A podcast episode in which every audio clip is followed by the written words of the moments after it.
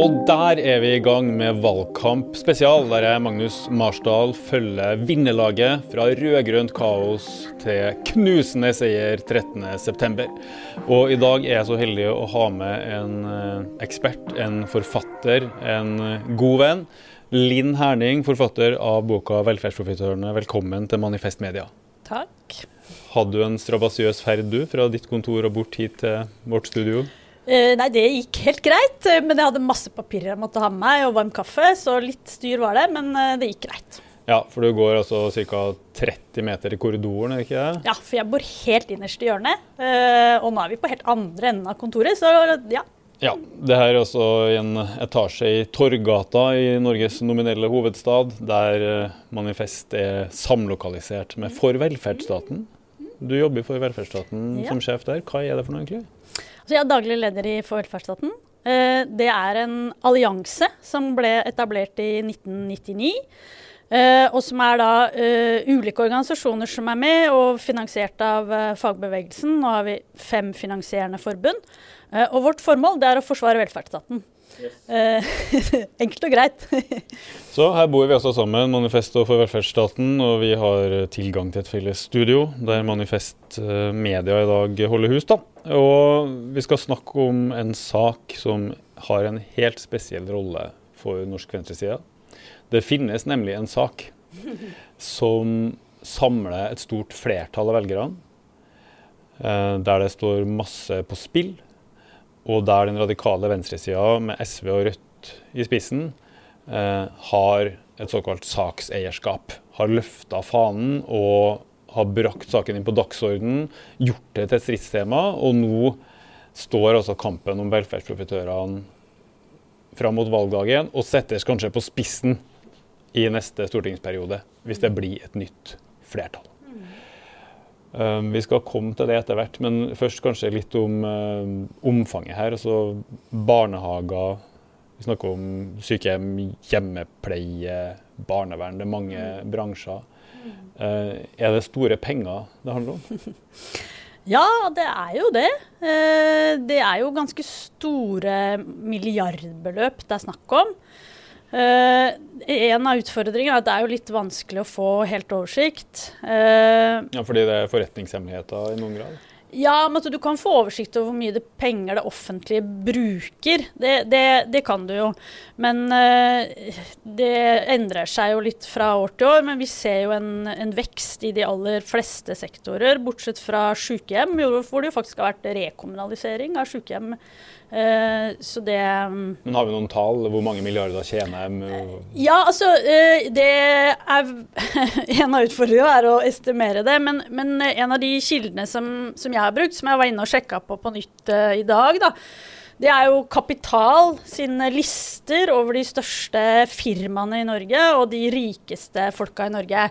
Syns jeg da kan dra fram litt grann av papirene mine her, eh, så um, sjekka jeg jo da på disse uh, rikeste jeg, altså jeg kjenner jo navna på uh, de norske aktørene. Og så er det jo sånn at det er jo en del utenlandske aktører, og de ville vi jo ikke finne på norske, norske eierskapslister. Da. Men, men jeg syns jo at de som jeg på en måte har kalt kanskje liksom si, bildet på en velferdsprofitør i Norge, det er jo brødrene eh, Adolfsen, altså Christer og, Christian og Roger Adolfsen. Eh, For de har på en måte bygd opp eh, størstedelen av sin formue på ulike former for velferdstjenester, som da er finansiert av det offentlige. Eh, Og de var jo da i 2020 gode for 3,5 milliard hver. Ja. Så en formue er estimert på 7 milliarder. Mm. Mesteparten bygd på offentlige velferdsmidler. Ja. Og så har vi jo barnehagesektoren. Der Mm. er jo de kommersielle aktørene veldig store. Altså, hvor Mm. stor andel av barnehagesektoren har de? Er det halvparten, eller noe sånt? Uh, nei, det er ikke så mye. Jeg lurer på om det nå er på rundt 25% som er kommersielt. Uh, og så er det jo da det største andelen er jo da de, de, disse store konsernene. Uh, men hvis man uh, igjen da skulle se på eh, disse listene, da, så, så vil man jo finne f.eks. Uh, flere av de barnehage, store barnehagefirmaene er jo blant Norges største firmaer. Eh, hvis jeg sjekka på den lista her, så fant jeg jo da f.eks. Læringsverkstedet, som er den eh, største, nå den største kjeden eh, på barnehager. Eh, de er da Norges 187. største selskap, total, helt uavhengig av alle sektorer. Og de har en omsetning på 4 milliarder. Eh, på den lista så finner du jo da også Espira, som er et av disse selskapene.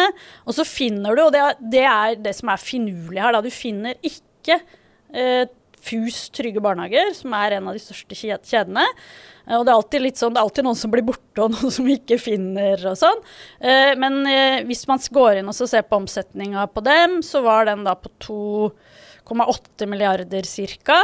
Noe som tilsvarer sånn rundt 250.-plass på altså Virkelig av alle, uh, alle firmaer i Norge. De er bare, har litt mindre enn PricewaterhouseCoopers f.eks., som er et svært konsulentfirma i Norge. Så 4 milliarder omsetning, 2,8 milliarder omsetning, mm. Adolfsen oppe i 7 milliarder i formue. Mm. Uh, og de her barnehagekjedene du nevner, det er rett og slett uh, en kjede av barnehager. Det er foreldrebetaling og skattepenger. Mm som går inn i et kommersielt konsern. Mm. Og så tyter på en eller annen måte profitt ut her, da. Ja, altså, og det er jo det som øh, er det spørsmålet som jeg alltid får, og alle som er opptatt av dette alltid får. Hvor mye penger tjener de? Sannheten er at det vet vi jo ikke. Fordi det finner vi ikke ut av. Nå har det jo vært en kjempesvær utredning. Eh, jeg tar jo alltid med meg all researchen min, så nå her er 600 sider liggende ved siden av meg. Uh, som er da en offisiell NOU altså en, en offentlig utredning. Eh, og de sier at eh, vi har ikke gode nok tall eh, til å si noe egentlig om hvor mye penger som tjenes. og så finnes det sånne enkeltbeløp, Eh, f.eks. hvis de selger eller de gjør sånne omstruktureringer. trygge barnehager, altså FUS-barnehagene, da, de gjorde jo en omstrukturering i selskapet sitt for noen år siden. Og da var det 900 millioner kroner som de flytta på. Mm. Og de kunne jo ha tatt det ut og realisert det, men de valgte å flytte støtte på det. Og så husker jeg Brødrene Alvofsen sitt selskap solgte en masse mm. barnehagetomter til et australsk mm. oppkjøpsfond. Mm. Det var vel milliardsummer? Ja, jeg tror det var 2,4 milliarder eller noe sånt nå. Ja. Det her er jo i hjertet av velferdsstaten, og derfor også veldig kontroversielt, noe du har bidratt til med boka 'Velferdsprofitørene', som kom for en seks år siden kanskje. Og nå skal vi jo etter hvert i vår samtale komme fram til hva som skjer med velferdsprofitørene hvis det mm. kommer et nytt stortingsflertall. Vi skal mm. se litt på hvilke holdninger som er i, i, partiene. Og er det mulig å drive så sterke, så kapitalsterke og ikke minst sånn eh, PR-sterke aktører med milliardomsetning eh, på defensiven? Er det mulig mm. å fase ut de kommersielle barnehageeierne etter at de har etablert seg i et svært marked på grunnlag av barnehageforliket som mm. Eh, ble gjort på Stortinget, der eh, både Fremskrittspartiet, SV og andre var med. ikke sant? Mm. Er det mulig å se for seg at et rød-grønt flertall faktisk snur den utviklinga? Det skal vi komme tilbake til, men jeg vil gjerne først høre litt om hvordan du kom inn i det her, og endte opp med å skrive en bok med navnet 'Velferdsprofitørene', som har satt såpass mye dagsorden i, i årene som, eh, som, kom etterpå. Mm. Nei, altså, øh, Jeg er jo utdanna økonomisk historiker. kom, øh, kom, rett fra Blindern og ble ansatt i, i, som rådgiver i For velferdsstaten. Og det var i 2010. Og en av de første oppgavene jeg fikk der, det var også Kan ikke du se etter om du kan få litt oversikt over hvem de private er? Fordi at uh, på det tidspunktet så var det jo en sånn diskusjon om, om privatisering, og at vi måtte slippe alle gode krefter til. Det var liksom den, der var der diskusjonen lå. Og så gjorde jeg og kollegaene mine en god del undersøkelser. Eh, fra, altså vi starta i 2010 og prøvde å få oversikt da, over hvilke aktører det var. Og I noen tilfeller så er det enkelt, fordi du kan gå inn og se hvem som har vunnet anbudsrunder. Eh, mens i noen tilfeller så var det helt umulig. Så vi måtte bare si sånn OK, men det vet vi ikke. Vi har ikke tall. Så på det tidspunktet så var det jo eh, egentlig veldig lite kunnskap om dette her. Men da fant vi jo annet så fant vi jo at eh, internasjonale storselskaper hadde kjøpt opp eh, kjøpt opp norske velferdsleverandører og vunnet fram i anbudsrunder. Så og det her skaper en sånn dissonans med det norske selvbildet som en sånn sosialdemokratisk velferdsstat, der vi ordner i fellesskap, der vi ikke driver med kommersiell privatisering, hjertet av velferdstjenestene osv. Jeg husker i hvert fall sjøl da det her begynte å komme fram at vi mm. følte at her er det noe som skurrer. Mm. Ja, altså Det som var interessant da på det tidspunktet i 2010, det var jo at uh, han som da var daglig leder av for velferdsstaten, Asbjørn Wahl, som hadde jobba med dette her i ti år, til og med han var på en måte sjokkert over hvor langt det var kommet. da. Uh, men det var uh, ingen som hadde satt seg ned og faktisk sett på tallene og sett på hvilke firmaer og sånn. Jeg hadde jo en fordel siden jeg har på en en, hadde drevet med selskapshistorie og bedriftshistorie og sånt, så jeg kunne litt sånn grunnleggende økonomisk research. da. Uh, så det var på en måte starten. Og så lagde jeg da kollegaen min Helene Bank vi lagde et lite hefte som het 'Private sugerør i fellesskapets kasser'. Og så dro vi da i det, valg, det var valgkampen 2011 uh, rundt Jeg tror vi var på 50 møter rundt i hele landet. Sånne ulike fagforeningsmøter og rød-grønne møter og ditt og datt. Og la fram da en del av disse tallene. Og noen av de tingene som vi da begynte å gjøre, var jo å legge fram um, selskapskart Dvs. Si oversikt over hvordan disse selskapene var strukturert, hvordan pengestrømmene kunne gå. F.eks. at man kan eh, etablere en barnehage i, i to deler hvor du har drift i én del og eiendom i én del, og så leier du ut til deg sjøl. Og så blir det eh, ikke noe mye penger igjen i barnehageselskapet, men så kan du gå og si sånn ja, men jeg har tjent penger på eiendom. Eh, så sånne type ting. Vi begynte på en måte å rett og slett forklare folk hvordan disse selskapene fungerer. Og det er ikke noe det er ikke noe egentlig spesielt med måten de fungerer på. Det er, veldig, det er helt vanlig måte å, å, drive selskapet på. Og jeg hadde også jobba med skatteparadis tidligere. Og veldig mye av det er liksom samme tematikken da man driver det som kalles for internfakturering. Altså man flytter penger internt i store konsern. Og jo større konsernet er, jo flere muligheter har du til å flytte penger. Mm. Uh, så vi, vi holdt på med det der. Og så snakka vi jo da etter hvert med veldig mange folk. Både som jobba på disse stedene. altså Hvis du er tillitsvalgt i et svært konsern f.eks., så er det å få informasjon uh, om økonomien veldig vanskelig. Da var vi med å forklare hvorfor, da. Mm. Uh, og så var det også sånn at i den valgkampen 2011 så opplevde jeg at uh, høyresida, altså Høyre og Fremskrittspartiet, de var veldig godt skolert. De var godt forberedt. De hadde vært på kurs hos NHO Service. Uh, og lært noen sånne både uh, paroler, altså de sa som bedre kvalitet til lavere pris, som høres helt tipp topp ut. Uh, og slippe alle gode krefter til og sånn. Og valgfrihet for brukerne. Ja. og ja, Mindre sentralstyrt, mer desentralisert, høyere kvalitet, konkurranse, ja, innovasjon. Alt, alt mulig. Men det som jeg opplevde da, det var at alle som hadde en sånn ryggmargsrefleks mot privatisering, og det er ganske mange i Norge, de hadde liksom ikke argumenter, de hadde ikke fakta. De, hadde ikke, de ble litt sånn Ja, men nei, vi er uenige. og det var min store motivasjon da, til å, til å gjøre et skikkelig både researcharbeid uh, og et, lage en på en måte en, en bok som skulle være eh, grei å lese, for en del av det er komplisert. Den skulle være grei å lese, så skulle gi noen eksempler både på pengedelen og eh, selskapsdelen og de greiene der, men også liksom hvilke effekter det faktisk får. Og, og, så var det det tredje elementet, og det er den eh, massive lobbykampanjen som disse firmaene her er helt, er helt avhengig av å drive.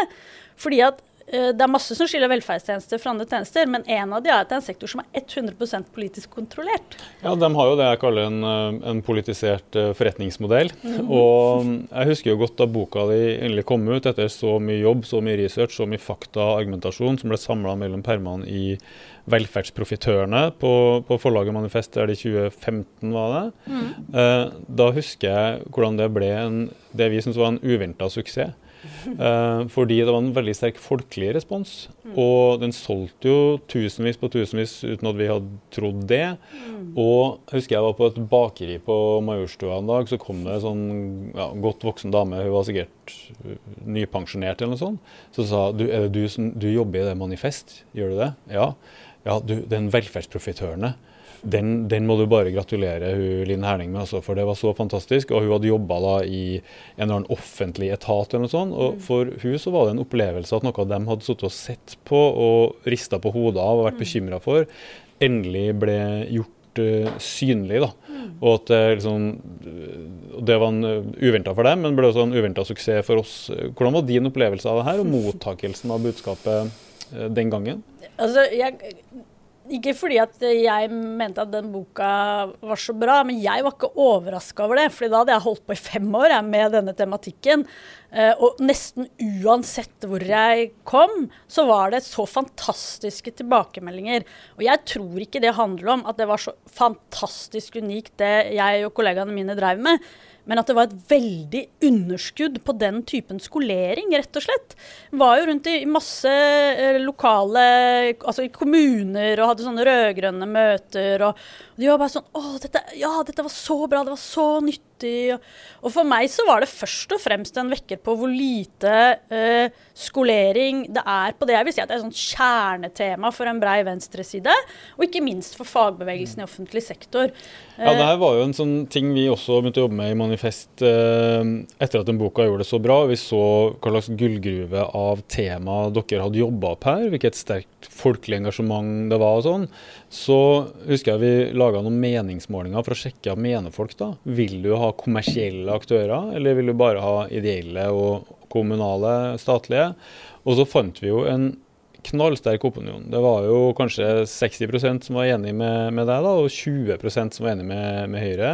Og på rød-grønn side så var det jo massive flertall. Eh, og etter hvert så oppdaga vi jo en kampanjen i Sverige som handla om det samme, som Daniel Suonen og Katalys og venstresida i Arbeiderpartiet i Sverige drev. Der det også var enorme folkelige flertall mot kommersiell profitt mm. på felles velferd. Mens i den politiske eliten, der var det annerledes. På Stortinget, i toppen av Arbeiderpartiet, i eh, det som Sauvonen kalte for sånn mm, aircondition-kjøla eliterom, der det hadde vært noen lobbyister og noen konsulenter og snakka med noen politikere, der syns man at kommersiell profitt på barnevern, barnehager, sykehjem, det kunne være en god idé.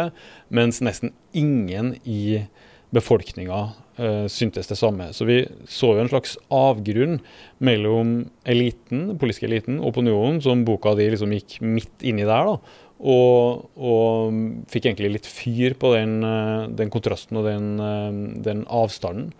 og hva, hva, tenker du om det for venstresida sin del? Da? At det var et såpass stort vakuum i en sak der vi egentlig hadde svært flertall i folkemeninga? Ja, nei, det er jo, det er jo veldig interessant. Uh, men jeg tror jo også at det, um, det, går litt tilbake til det som jeg sa i stad. Altså, um, disse kommersielle aktørene de er helt avhengig av å drive lobbyisme overfor politikere. Og det hadde de gjort over lang tid. Uh, og så tror jeg eh, at det var en slags sløv, du kan si en slags sløvhet da, på store deler av venstresida. Eh, Eh, på at man ikke kanskje helt forsto i til hvilken grad de skapte en fortelling om seg selv. altså, uh, dette her er i veldig stor grad en, en, kamp om virkelighetsbeskrivelsen. Og det ser vi jo til de grader fortsatt. Uh, og Uh, hvis, man tar, uh, hvis man ser da under den Det var vel mot uh, eh, 2000, det var også sånn 2010-2011, så kom jo det uh, rød-grønne regjeringa med et forslag om å stramme inn profitten på barnehage. Ja, for Da hadde man sett at det begynte mm. å bli ganske mye såkalte barnehagebaroner. Ja. Og for SV, som hadde vært i spiss for det her, for å sikre full barnehagedekning, mm. så var ikke det noe vakkert syn. og Kristin Halvorsen, SV-leder den gangen, gikk vel i spissen for mm. en sånn innstramming. Jeg husker ikke detaljene i den, det er ikke så viktig, men det skulle i hvert fall bli litt mindre lett å tjene store penger. Ja, altså egentlig så var en del av de forslagene eh, ganske gode. Men det som jeg, min analyse av det som, som, skjedde da, det var jo at For da var det jo Private Barnehagers Landsforbund, som er eh, den store lobbyorganisasjonen for, eh, for, kommersielle barnehager, og som har vært det veldig lenge, og som jeg mener at kanskje er en av Norges beste lobbyorganisasjoner, i hvert fall hvis du ser på hvor suksessfulle de har vært da, i forhold til oppnådd resultat. Eh, de eh, klarte på en måte å skape en fortelling om at dette ikke var et problem. Og hvorfor skal man på en måte kaste seg over noe som ikke er et problem? Og det gikk på en sånn teknisk debatt som er ganske typisk for denne her typen ting. Da. Det er veldig mye tekniske debatter. Uh, og det gikk på forskjellen på utbytte og profitt. mm. Og det vil si at uh, fordi det, uh, det private Barnehagens Landsforbund sa, det er at det er 0,4% utbytte i sektoren. Det kan umulig være et stort problem. Mm. Og så er det, det tekniske i dette, det er at utbytte det er bare én måte av flere måter å tjene penger på. Hvis du legger sammen alle måtene å tjene penger på, f.eks. sånn som jeg var inne på i stad, det der å leie til seg sjøl og de greiene der, så var det mye penger i sektoren. Det var masse smutthull. Og det er som en sil. Det hjelper jo ikke at liksom, hvert hull er lite. Hvis det er mange nok, så renner det jo rett igjennom. Uh, og da vant på en måte eh, Private Barnes Landsforbund og de kommersielle aktørene fram med sin beskrivelse av virkeligheten. Det er vel også en ting der at eh, hvor lønnsomt det kommer an på om du regner av omsetninga eller av den investerte kapitalen. Fordi en barnehage er jo mest lønnsutgifter. altså Omsetninga blir jo kjempehøy, det er veldig mange som jobber der. Mm. og målt av det, så kan jo overskuddet være begrensa. Mens hvis du ser på hva eieren faktisk har satsa, mm. som alternativt har vært satsa på børsen i et annet selskap, og sånn, mm. så er jo mm. den kapitalinnsatsen mye mindre. Og når du ser mm. på avkastning av kapitalen, mm. så har jo noen tall funnet at vi snakker om tre ganger i gjennomsnittet på Oslo Børs, mm. eller altså vanvittig lukrative prospekter der, da, med garanterte inntekter, null risiko, pengene kommer fra foresatte fra uh, stat kommune. Og så husker jeg det her ja, ca. ti år siden, som du nevner nå, den rød-grønne regjeringa prøvde å stramme inn. PBL, eh, lobbyistene, hadde sin argumentasjon. De hyra inn eh, Bjarne Håkon Hansen og co. Mm. i First House, en av sånn, arbeiderklassens store sønner, for å knøvle regjeringa Stoltenberg sitt eh, forslag. Og mm. hva ble utfallet den gangen? Nei, det skjedde jo ingenting. altså, og jeg mener at det, Helt uavhengig av det tekniske, eh, så kan man se på responsen fra Private Barnehagens Landsforbund. fordi de gikk jo i fistel ved første forslaget. Og det som ble det endelige forslaget, det sa de var symbolpolitikk. Og da kan du regne med at mm. det er symbolpolitikk. Ja, Så det kom noen innstramminger som ikke var innstramminger. Ja. Og siden har det jo blitt bygd opp veldig sterke kjeder. De kjøper mm. opp barnehager. Kommersielle konsern kjøper opp ideelle, mindre private mm. aktører av mm. Eh, religiøs og annen ideell mm. art. Og det blir de her store tallene du har nevnt med flere milliarder i omsetning. Um, jeg husker jo vi satte oss ned sammen og diskutert strategien for det her også, uh, for kanskje fem år siden. Du var veldig misfornøyd med argumentasjonen, som, som du allerede har nevnt. Uh, at det sprika i alle retninger. At noen argumenterte med ansattes lønns- og arbeidsvilkår. Andre argumenterte med ja, helt andre ting. At vi mangla venstresida mangla ty det tydelige budskapet da, som, uh, som høyresida hadde. Og så ble jo gradvis saken løfta av SV, av Rødt ikke minst, i Oslo. Stoppa alle kommersielle um, barnehager, ny utbygging av kommersielle barnehager. Mm. I 2015 var det vel, fordi Moxnes og co. satt hardt mot hardt på, på Raymond um, Johansen den gangen. Um, var det et vendepunkt, uh, sånn som vi ser historien nå? Altså vi, da hadde jo i åtte år en rød-grønn regjering fremma kommersielle barnehager. Og så fikk vi en situasjon der det rød-grønne byrådet i hovedstaden stoppa nye kommersielle barnehager. Ja, altså jeg har jo en litt annen historiefortelling. Altså sånn fordi at eh, Du kan godt snakke om SV og Rødt sin rolle, men jeg tror det er vel så viktig hva som har skjedd eh, i fagbevegelsen rundt omkring på bevisstgjøring på disse tingene. Eh, og også vil jeg si rundt omkring i eh, både Arbeiderpartiet og i Senterpartiet f.eks. Altså, eh, det, er, det er noe med at virkeligheten er jo i ferd med å innhente høyresida her. Til og med Jan Tore Sanner har jo vært ute flere ganger og sagt at oi, denne barnehagesektoren, hei ho, her må det gjøres et eller annet. For det er jo markedssvikt i barnehagesektoren, ifølge Høyre. Så det er på en måte Og det betyr at det håper seg opp for mye overskudd Ja. og penger. Ja. Det er et eller annet som ikke er i tråd med læreboka. Ja, ikke sant? Rett, eh, så så eh, jeg mener jo at det, det, det, den aller viktigste grunnen til at vi har denne debatten nå, det er jo at konsekvensene har begynt å synes. For Det er veldig lett å avvise sånn eh, dette kommer til å skje. Da kan man si at det er bare skremselspropaganda og sånn og sånn. Mens nå er det eh, en del sånn helt uomtvistelige ting som alle nå ja, altså Bortsett fra Fremskrittspartiet, da, de ligger fortsatt på, på en helt sånn blind linje. Men, men selv Høyre eh, Og så er det klart at du trenger partier som, eh, som stiller disse eh, kravene, og som, som pusher saken og, og alt mulig. Eh, men jeg tror nok at eh, det aller viktigste er at eh, nå er det en del eh, Altså det har blitt så åpenbart for alle som vil se. Og det har jo vært min, eh, mitt mantra på dette her lenge. Alle som faktisk går inn i disse tallene, vil se at her er det store problemer. Og det er på tallsida. Og så er det alle de andre problemstillingene i forhold til hva som skjer med velferdstjenestene når de gjøres om til marked, som også er Som nesten er vil jeg si, enda mer problematisk enn de faktiske pengesummene. Ja, Hva er det som skjer? Hva er problemet med at eh, kommersielle aktører slipper til? Vi har jo eh, kommersielle tømrerfirmaer som kommer inn og bygger barnehagen. Det er ingen på andre sida som klager på det. Mm.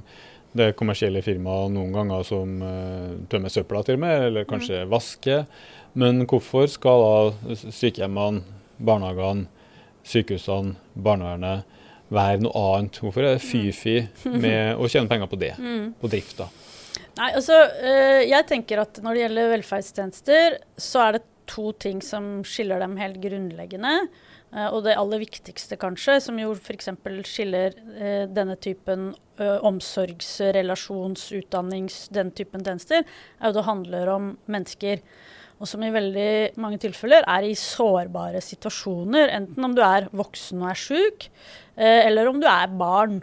Eh, om, altså, det, er, det er jo tjenester som er laget for å hjelpe folk i ulike eh, vanskelige situasjoner, da, eller f.eks. sånn som utdanning. Eh, Så, så barnet i barnehagen, den eh, pleietrengende eldre i sykehjemmet, kan ikke ivareta eh, seg selv som kunden i skobutikken kan?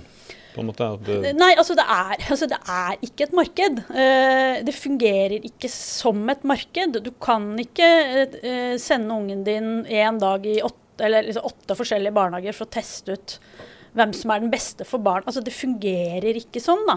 Mm. Uh, uh, så, så det er det ene at det, her, det skiller seg fra et marked, og det er Ja. ikke en butikk. Det er en omsorgsrelasjon. Det er også Ja. maktrelasjon, kanskje. Ja. Der den, det barnet jeg leverer, en toåringen, er jo helt utlevert Mm. Ja. til de voksne gjennom hele dagen. Eller gamlemor på sykehjemmet er jo helt Mm. utlevert til den profesjonen som skal ivareta. Uh, mens hvis jeg er misfornøyd uh, på en restaurant, jeg føler meg ikke utlevert til kelneren. Nei, ikke sant? Altså, det handler ikke om livet ditt, da. Eh, og, så, så jeg tenker at det er jo det viktigste. Og så er det jo den andre delen, og det er jo at det er skattepenger. Eh, og jeg vil jo mene at når du driver på skattepenger, om det så er uh, uh, avfallshåndtering eller hva det er, så bør det være noen, noen strengere krav til, til hvordan de pengene skal, skal brukes. Og en ting handler om de på en måte faktiske pengene, men det andre er jo at vi er helt avhengig av at folk har tiltro til at skattepenger brukes på noen måte. Og hvis du da ser liksom avfallskongen eh, som kjøper seg den største leiligheten på, uh, på, på Aker Brygge, eller sånn som disse her velferds... Ja, Jonny Penger, som drev uh, Veirenholdsselskapet, hadde jo en uh, leilighet til noen 30 millioner nede på Tjuvholmen, eller hvor det var, etter at firmaet hans ikke klarte å tømme søpla. Ja, ikke sant? Og sånne ting. Det, da, da, jeg tror at det har veldig mye å si for legitimiteten.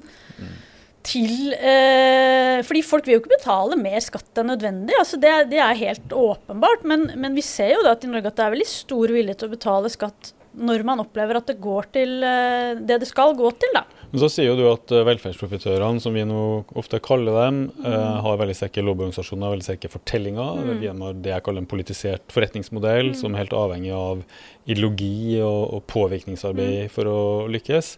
Men så har også en annen fortelling eh, klart å konkurrere med dem etter hvert. Mm. Og i den prosessen som har forandra eh, det politiske landskapet i spørsmålet, så har jo begrepet velferdsprofitør blitt både veldig omstridt, men også noen ganger sånn genierklært, mm. fordi det har klart å sette en annen uh, tone. Uh, var du usikker på om du kunne kalle boka di noe så drøyt som 'Velferdsprofitørene'? Det som er morsomt, det er jo det jeg egentlig ville kalle den noe drøyere. Nei, men altså uh, Fordi det Hva som var du kalle det? Ja, det kommer. Fordi det som jeg var mest opptatt av eh, når jeg på en måte fikk gjort researchen min, det var jo de internasjonale selskapene. Og ikke minst at du har nå finansielle oppkjøpsfond som eier norske velferdstjenester. Og et finansielt oppkjøpsfond de er bare interessert i én ting, og det er å tjene penger. Ja, De later vel ikke sånn med små Nei. kvinnelige gründere fra Sunnmøre heller? Nei, ikke sant. Altså, sånn, så, så, og det er klart at det, Noe av det jeg brukte mye tid på, var å beskrive mangfoldet av private aktører og de ulike formene for private aktører. Og så ville jo jeg da egentlig skrive mest om de som jeg syns er de verste. De som ikke har noen ting å bidra med i norsk velferdssektor. Fordi sånne, altså Sånn som Eli Sævareid har jo, hvert fall, hun er jo en kvinnelig gründer og har jo bygd opp et barnehageselskap og sånn. Ja, det er så, Trygge Barnehager. Ja, ikke sant? Så, så, da kan du godt diskutere. Men disse her, de finansielle oppkjøpsfondene, jeg mener jo at de driver parasittisk virksomhet på velferdsstaten. Så jeg ville jo, drev jo og lekte med tanken om jeg skulle kalle det velferdsparasittene. Mm. Men så er poenget er at hvis du skal gjøre noe med dette her, helt reelt, så kan du ikke si Du har ikke juridisk mulighet til å si sånn at vi vil ikke ha utenlandske eiere. Eh, vi vil ikke ha mannlige eiere. vi vil ikke ha oppkjøpsfond. Du kan ikke holde på sånn. Mm. Det kan du ikke gjøre. Mm. Eh, det du kan gjøre innenfor liksom, EØS og alt mulig sånn juridisk rammeverk og konkurranselovgivning og alt mulig sånt nå, det er å skille på ideelle og kommersielle. Og det er jo da internasjonalt, så sier du da for profit mm. og non-profit. Så skillet går, hvis du skal gjøre noe med det, mellom de som driver for profitt, og de som ikke driver for profitt. Og da ble det velferdsprofitørene. Fordi det er poenget. Og det drøye med ordet er jo selvsagt at det rimer på krigsprofitørene, og at profitør er jo et ord vi har brukt om Eh, ikke bare noen som tjener penger, men som gjør det på en dypt illegitim måte. Og særlig med den norske historien knytta til okkupasjonen under andre mm. verdenskrig. Så klart en assosiasjon til profitør, for dem som er gamle nok til å huske det, er selvsagt eh, ganske vond. Eh, det som jeg husker jeg la merke til eh, for en del år tilbake, som du gjorde i debatten om eh, temaet, som jeg syns var helt utrolig genialt fra et sånt retorisk ståsted, var jo at du begynte å bruke et så lada ord eh, nøytralt. Mm. Eh, med setning av typen det er helt legitimt å ønske velferdsprofitørene velkommen i Norge og mene mm. at de har en god rolle, men det er mm. også legitimt å være opptatt av at pengene går til formålet. Mm.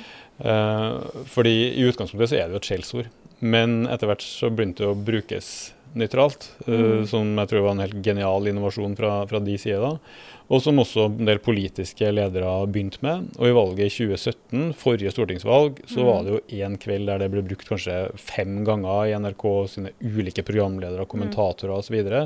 Disse velferdsprofitørene, disse såkalte velferdsprofitørene. Mm. Mm. Og da var det jo vanskelig å ikke få en følelse av at den saken her begynner å nærme seg vunnet. For hvis mm. det er ordet som brukes om at alle gode krefter må få bidra og sånn, så har de jo et imageproblem. Mm. Og hvordan har ja, kapitalistene, NHO mm. Service, eh, private barnehagers lobbyorganisasjon håndtert det imageproblemet i de årene som har gått altså i, i, stortingsperioden? da. Hva har skjedd siden valget i 2017, da Moxnes snakka seg inn på tinget med det temaet her, og da plutselig velferdsprofitør ble noe som alle snakka om i norsk politikk? Ja, eh, det er, eh, det er, ganske interessant. Jeg tror jeg må gå litt tilbake, fordi du eh, du gjentar jo det som på en måte har vært stempelet fra altså for å si det sånn, høyresida og, og, de kommersielle aktørene, altså velferdsprofitørene, har jo prøvd alt mulig. Så jeg tenker det er litt gjennomgang av hva de har prøvd. Men, men jeg må jo innrømme at jeg hadde helt ærlig ingen assosiasjon til krigsprofitør. Det er mm. sikkert noe med liksom, hvilken generasjon man er, eller noe sånt. Og mitt poeng det var jo uh, å, å, si at det, det, det operasjonelle skillet da, vi kan operere med, det er ideell og kommersiell. Eh, og så var det jo fordi at det som har vært den viktige fortellinga eh, fra, eh, fra høyresida og fra disse kommersielle aktørene, det er jo nettopp at eh, det er alle gode krefter, og de insisterer med en imponerende ut, utholdenhet å si privat. Ja. Og da inkluderer du de ideelle. Kirkens Bymisjon. Ja, ikke sant? Og så har jeg sagt sånn, det er forskjell på Frelsesarmeen og finansmenn. Ikke sant? Uh, så, uh, men jeg er helt åpen om at det per i dag er et veldig stort mangfold også innenfor de som du på en måte kan kalle per definisjon velferdsprofitører, altså eiere som har et profittmotiv. Uh, men vi har Altså, vi, vi, vi må, det er det eneste skillet vi kan, kan ha. Vi kan, det, er på en måte Operasjonelt sett så er det to ting du kan gjøre. Enten så kan du si alt skal være offentlig. Eller så kan du si uh, at uh, alt skal være offentlig. Vi skal ha et privat supplement. Da må det være ideelt. Og så er det det tredje alternativet som vi holder på med nå. Og det er uh, vi skal ha et fritt marked. Sant? Vi skal ha én offentlig del, og så skal vi ha fritt marked. Da blir de ideelle utradert. De kommer aldri til å vinne fram. Så det er veldig viktig for, for meg å få fram at det egentlig på en måte var et operasjonelt Mm. begrep. da. Eh, og så eh, ble det jo veldig kontroversielt. Og så har vi jo, bare for å skyte inn det, Mm. når vi meningsmåler, så finner vi jo at støtten til dagens politikk, da, Mm. som er eh, Høyre og Fremskrittspartiet sin politikk, først og fremst, Mm. der de kommersielle bare får holde på, den er sånn fra 20 til 30% i Mm. befolkninga. Ja. Og så har vi da det ordet, velferdsprofitørene, Mm. som angriper det her, eh, de aktørene, og opinionen deres er egentlig veldig svak. Mm. Hvordan har de prøvd å fekte seg ut av det?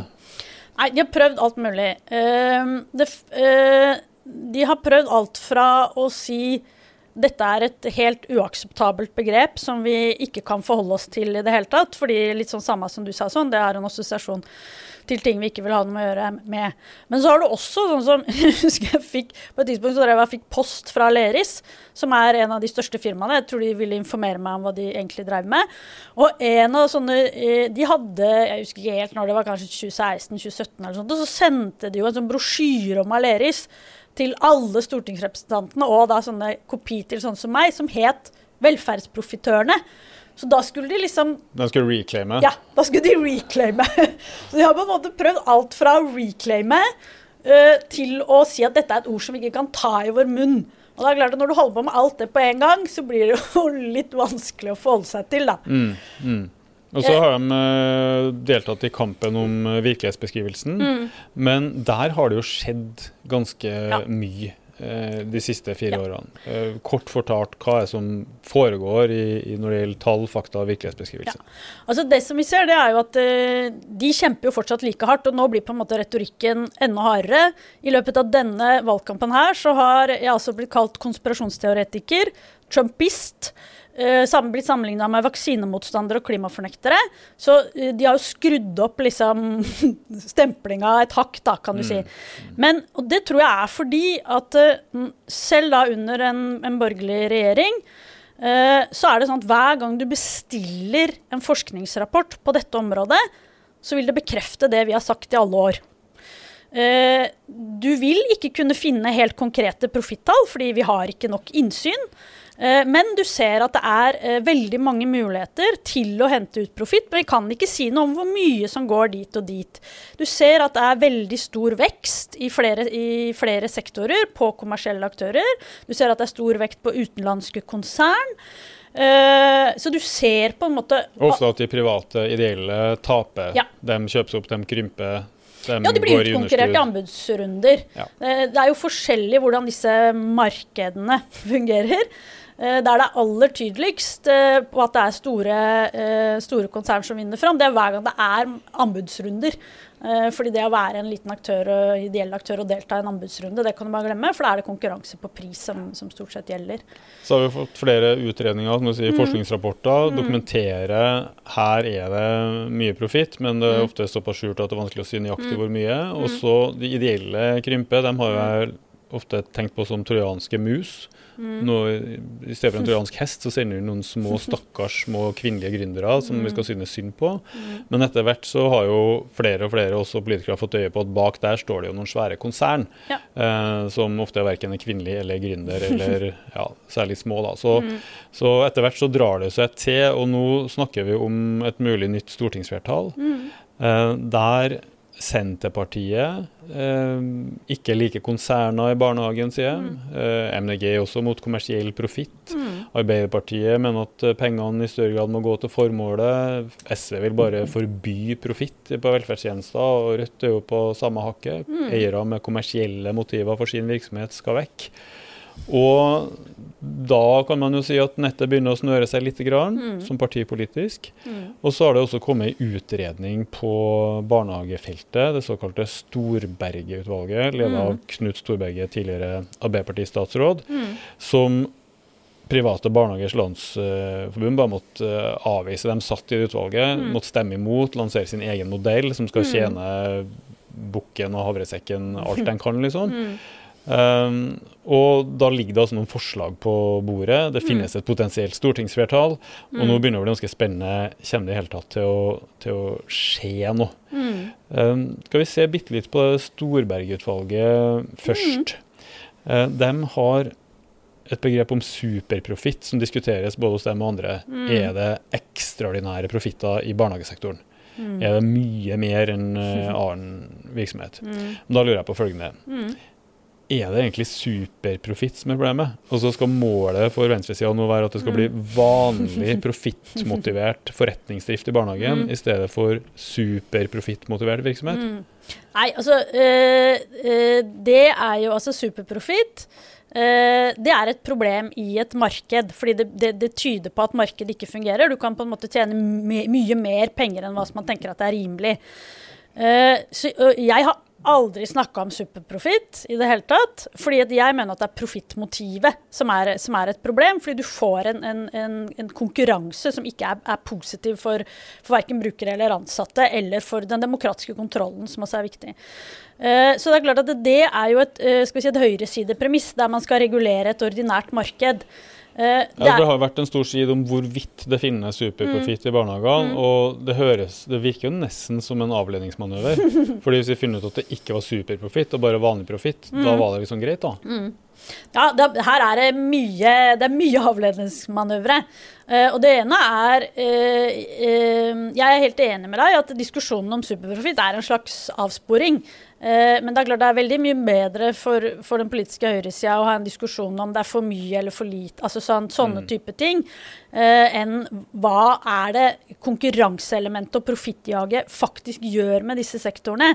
Eh, og så, så, er jo, så er det jo et annet poeng er at det, Eh, det som er veldig interessant med den uh, utredninga som da kom, som heter velferdstjeneste ut, eller kalles velferdstjenesteutredninga, det er jo at Ja, som ikke er Storberget-utvalget. Nei, dette er ikke. Mm. Storberg-utvalget. Dette er en NOU som ble satt i gang fordi at et samla storting sa at nå må vi få oversikt over pengestrømmer i disse firmaene her.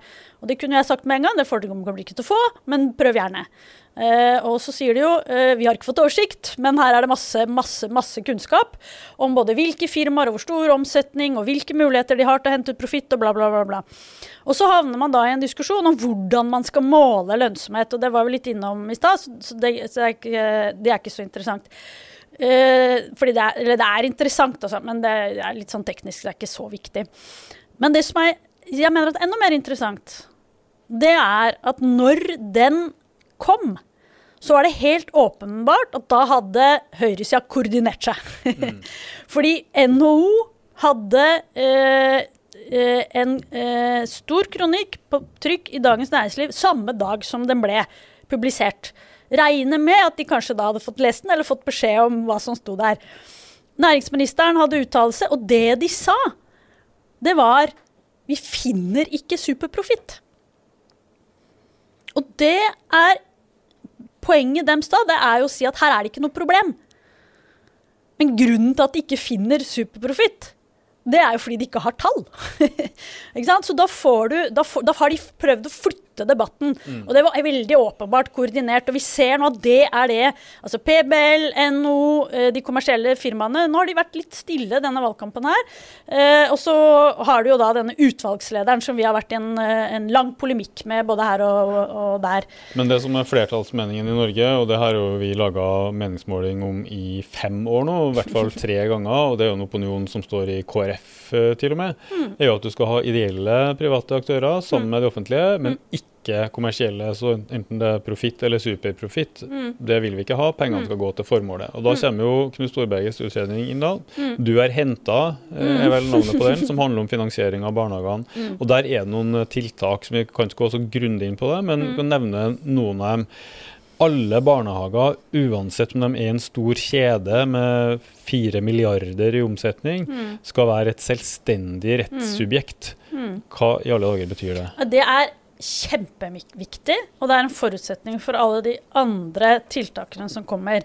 Og det handler om det som jeg har vært innom flere ganger. Det er at hvis du skal regulere dette her og få oversikt over det, så må du først på en måte uh, isolere den enheten som, er, som man er interessert i, og det er den enkelte barnehage. Ja, Der barna går, og som mottar eh, støtte og foreldrebetaling. Ja, fordi at nå i en del tilfeller så vil f.eks.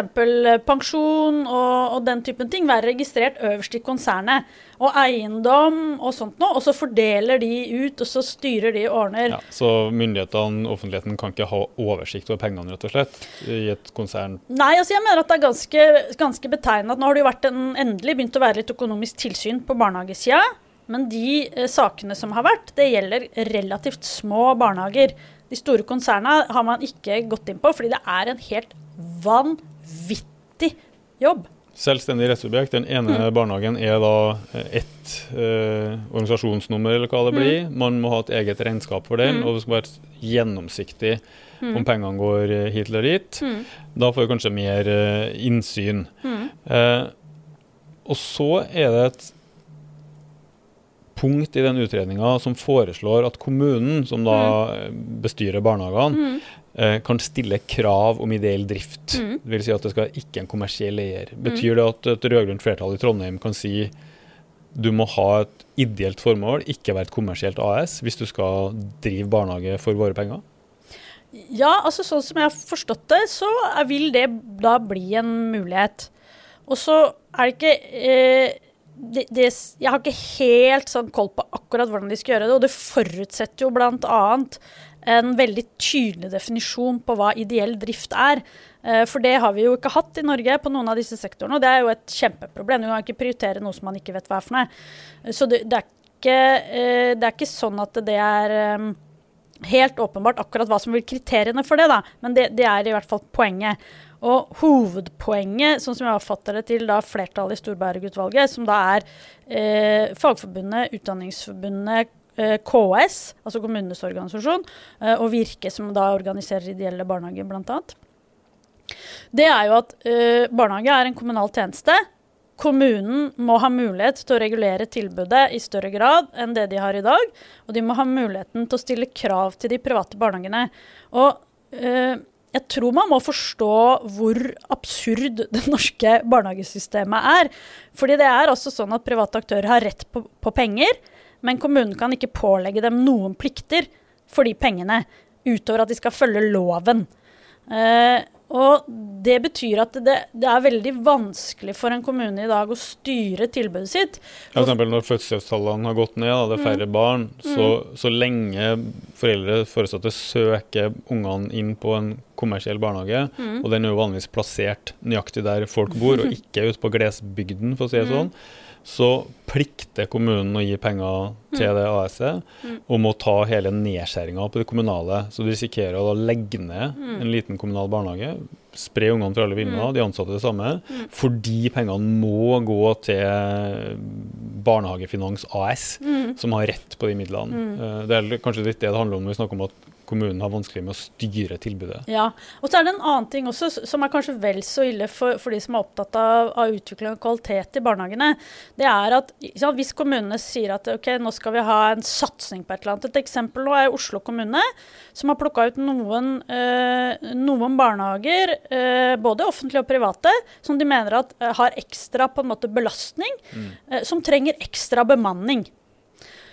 Og det, har ikke, altså det kan ikke eh, Oslo kommune gjøre uten at du utløser tilsvarende sum til de private. Men da kan ikke kommunen sette noen krav til det. Så hvis f.eks. kommunen sier OK, vi skal ha en stor satsing, vi skal ha de beste barnehagene i hele landet. Vi skal ha masse ansatte med høy kompetanse og god erfaring og alt mulig. Så er det klart at da blir de kommunale barnehagene dyre, da. Og da skal automatisk de kommersielle Yes. likebehandle, skal ha de samme pengene, men de gjør hva de vil med de pengene. Yes, Det er jo åpenbart et system som ikke er laga av hensyn til barnets beste, men av hensyn til forretningsdrivendes inntekter. Ja. Og at likebehandling av eh, kapitalister er viktigere her enn likebehandling av barn. Ja, altså det er eh, Det likebehandlingsprinsippet, som det kalles, er jo eh, ganske absurd. Fordi det gir ingen mulighet til prioritering, og det gir ingen mulighet til å pålegge eh, private barnehageeiere eh, noen ting, unntatt å følge noen slags sånn minimumsnormer i loven.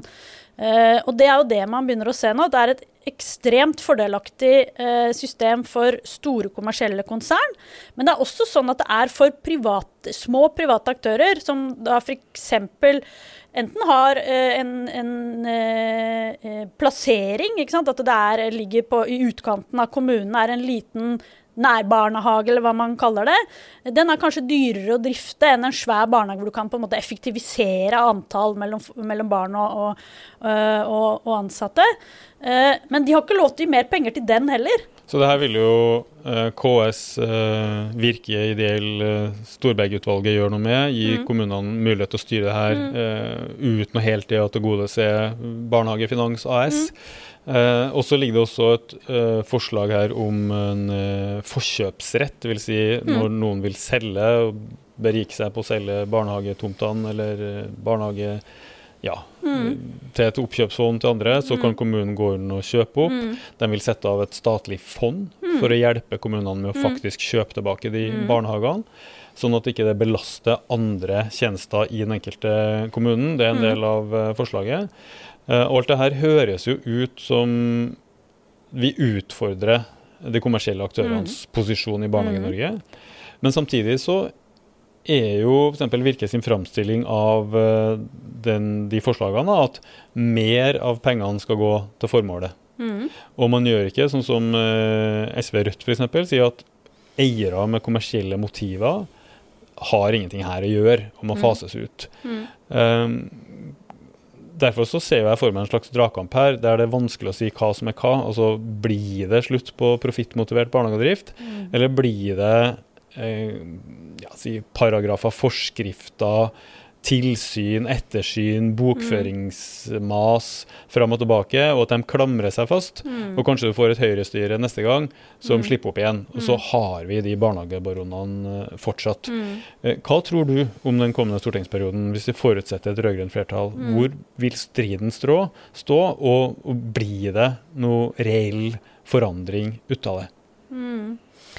Eh, For det første så tror jeg vi må understreke at barnehagesektoren er der kanskje eh, det er største utfordringer. Eh, Fordi på en del andre sektorer så er det jo tidsbegrensa anbud.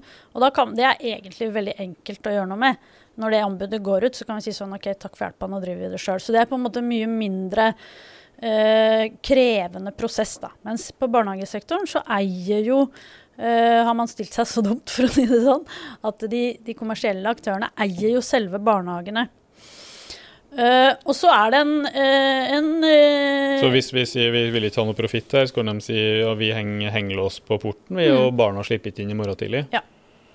Ja, men la oss se for oss det. da. Tør de å gjøre det? Det vet vi jo ikke. Trua de med det i 2011? Så jeg husker Ja da. sånt. det, det gjorde de. Og, og PBL har jo også organisert streik i barnehagene med barnehageunger i streiketog og sånn, så de er jo ganske drøye i virkemiddelbruken sin. Ja, hun Talspersonen deres, tidligere barneombud Anne Lindboe, sa jo tidligere i år at eh, innstramming på profitten betyr å legge ned en masse gode barnehager. Og det er jo ingen som har foreslått å legge dem ned, det er i så fall PBL og eierne sjøl. Så det er jo kanskje et scenario her at, at uh, regjeringa vil stramme inn. Barnehageeierne som sitter på tomtene, bygningene, truer med en slags kapitalstreik, stenger ut ungene, skaper voldsom uro ut blant foresatte, lokalsamfunn, arbeidsgivere som kanskje ikke får folk på jobb. Eh, anklager de rød-grønne for ekstremisme. Eh, ideologisk ekstremisme som vil frata barn et godt tilbud. Eh, hva tror du om den striden? Nei, altså det, det, blir jo litt sånn som det har vært hele veien. Det blir jo en strid om hva som er uh, virkeligheten. Uh, er det sånn at det er uh, rød-grønne som kjører et ideologisk løp på bekostning av ungene? Eller er det sånn at det er kommersielle eiere som kjører et profittløp på bekostning av ungene? Så det, det blir en, en, en, veldig viktig tror jeg, politisk dragkamp. Så eierskapet til barnets beste å være motivert av barnets beste blir jo en viktig ja, altså, hvem, del av hvem er, hvem er motivert av barnets beste? Det blir jo sånn som, sånn som, det har vært hele tiden. Og Da mener jo PBL at det er de kommersielle oppkjøpsfondene som er motivert av barnets beste, og ikke landets kommunepolitikere f.eks. Ja, ja. ja. Eh, jeg tror jo det er en strid det er mulig å vinne, men jeg tror det er viktig å ikke undervurdere hvor mye krefter og penger eh, milliardærer er eh, interessert i å, å legge på bordet da, for, å, for, å, forsvare sine, sine eiendommer og, og, sine på en måte penger. Og så må man jo si at det, jeg tror at en del av disse pengene her, de må vi jo bare innse at er tapt. Fordi de har vi på en måte gitt bort allerede. Og det som Storberget-utvalget sier, er jo at man skal kjøpe tilbake barnehagene til markedspris. Og det er egentlig en rimelig god deal ja. for de barnehageeierne. Eh, en av de tingene som har vært interessant, syns jeg, fra det da um, velferdstjenesteutvalget, en av de tingene som de sier, det er jo at det, altså barnehage er under en finansieringsordning som en slags utvida form for statsstøtte. Uh, og de lurer jo på om det kanskje er sånn, at siden det har vært så stor profitt og så stor fortjenester i barnehagesektoren, uh, at det er ulovlig statsstøtte som man burde kreve tilbake igjen med henhold til EØS-avtalen. Ja, for man kan ikke prøve statsstøtte opp og i mente noe som egentlig er kommersiell profittvirksomhet med enorme overskudd. Ja. Men hvis du ser for deg en, en, en konfrontasjon da, der mm. prinsippene står mot hverandre, skal du ha kommersielt motivert, eh, mm. profittmotivert drift i barnehagesektoren mm. eller ikke?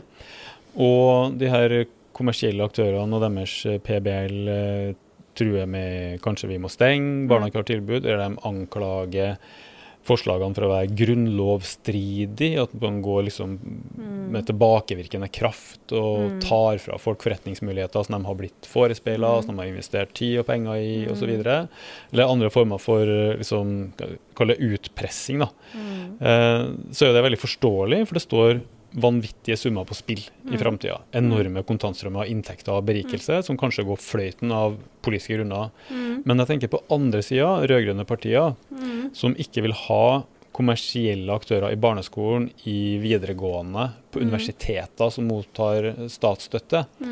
Uh, hvordan i alle dager skal de kunne forsvare et non-profit-prinsipp for skolebarn, videregående elever, studenter ikke minst? Mm når man godtar eller man får en konsensus rundt profittprinsippet i barnehagen. Mm. Så det står jo noe alvorlig på spill også for tilhengerne av en, en fellesskapelig velferdsstat. Mm. Og hvis den konfrontasjonen settes på, på spissen, mm. har vi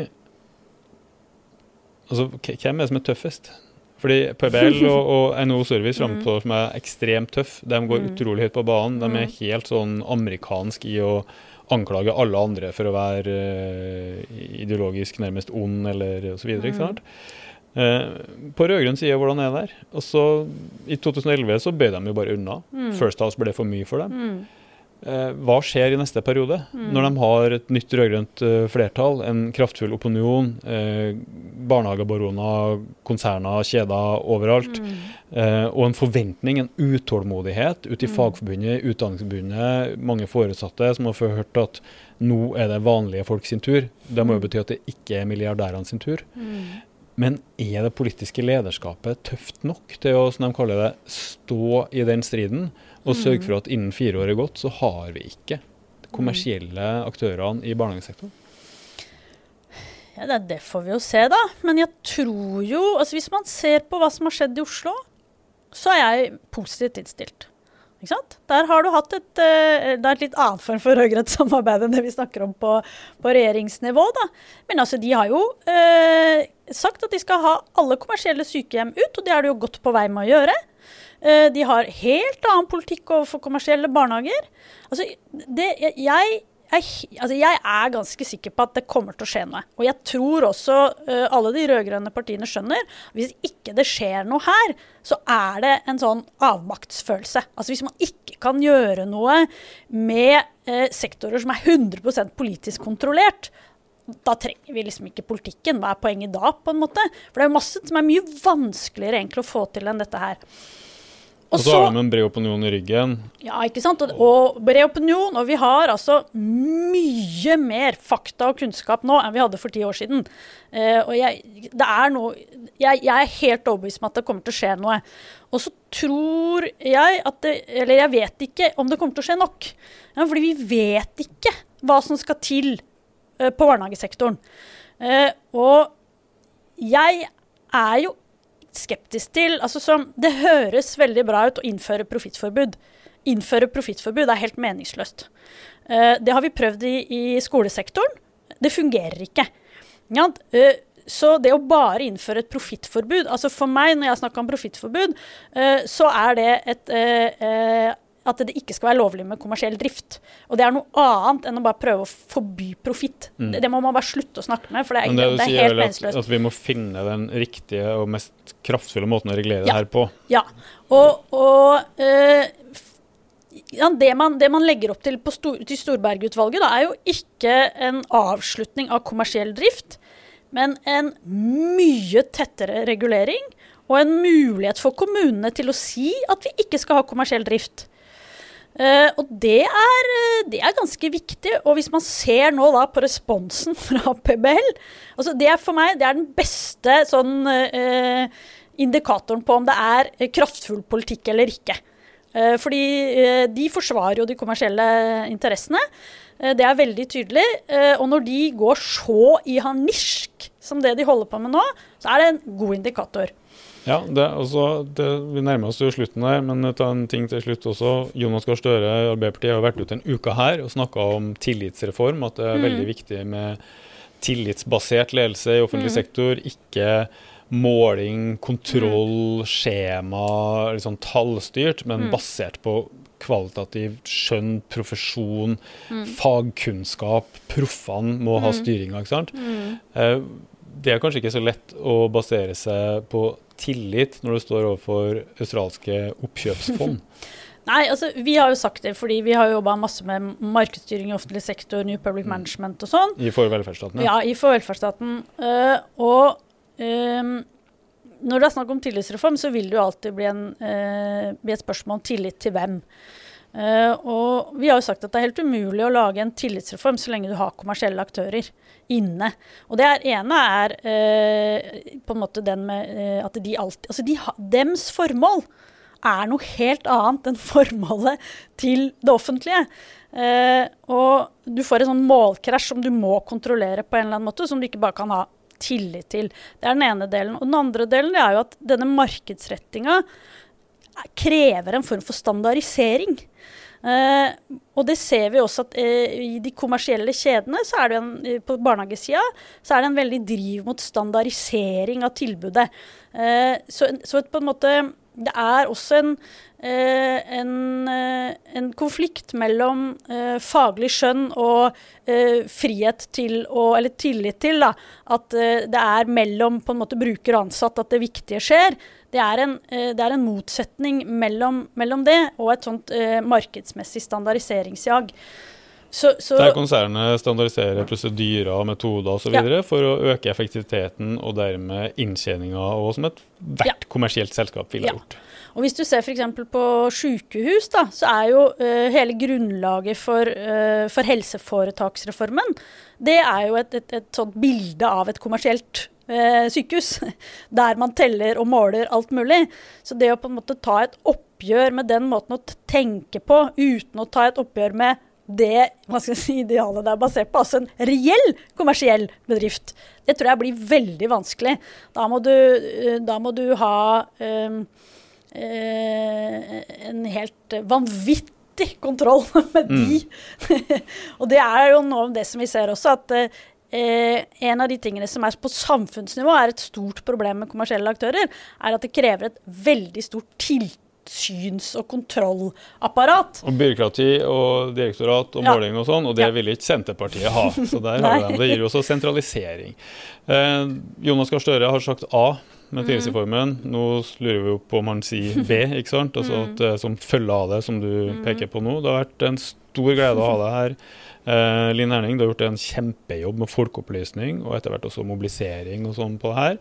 Eh, vi håper det kommer eh, nye bøker med tilsvarende kraft som eh, Velferdsprofitørene.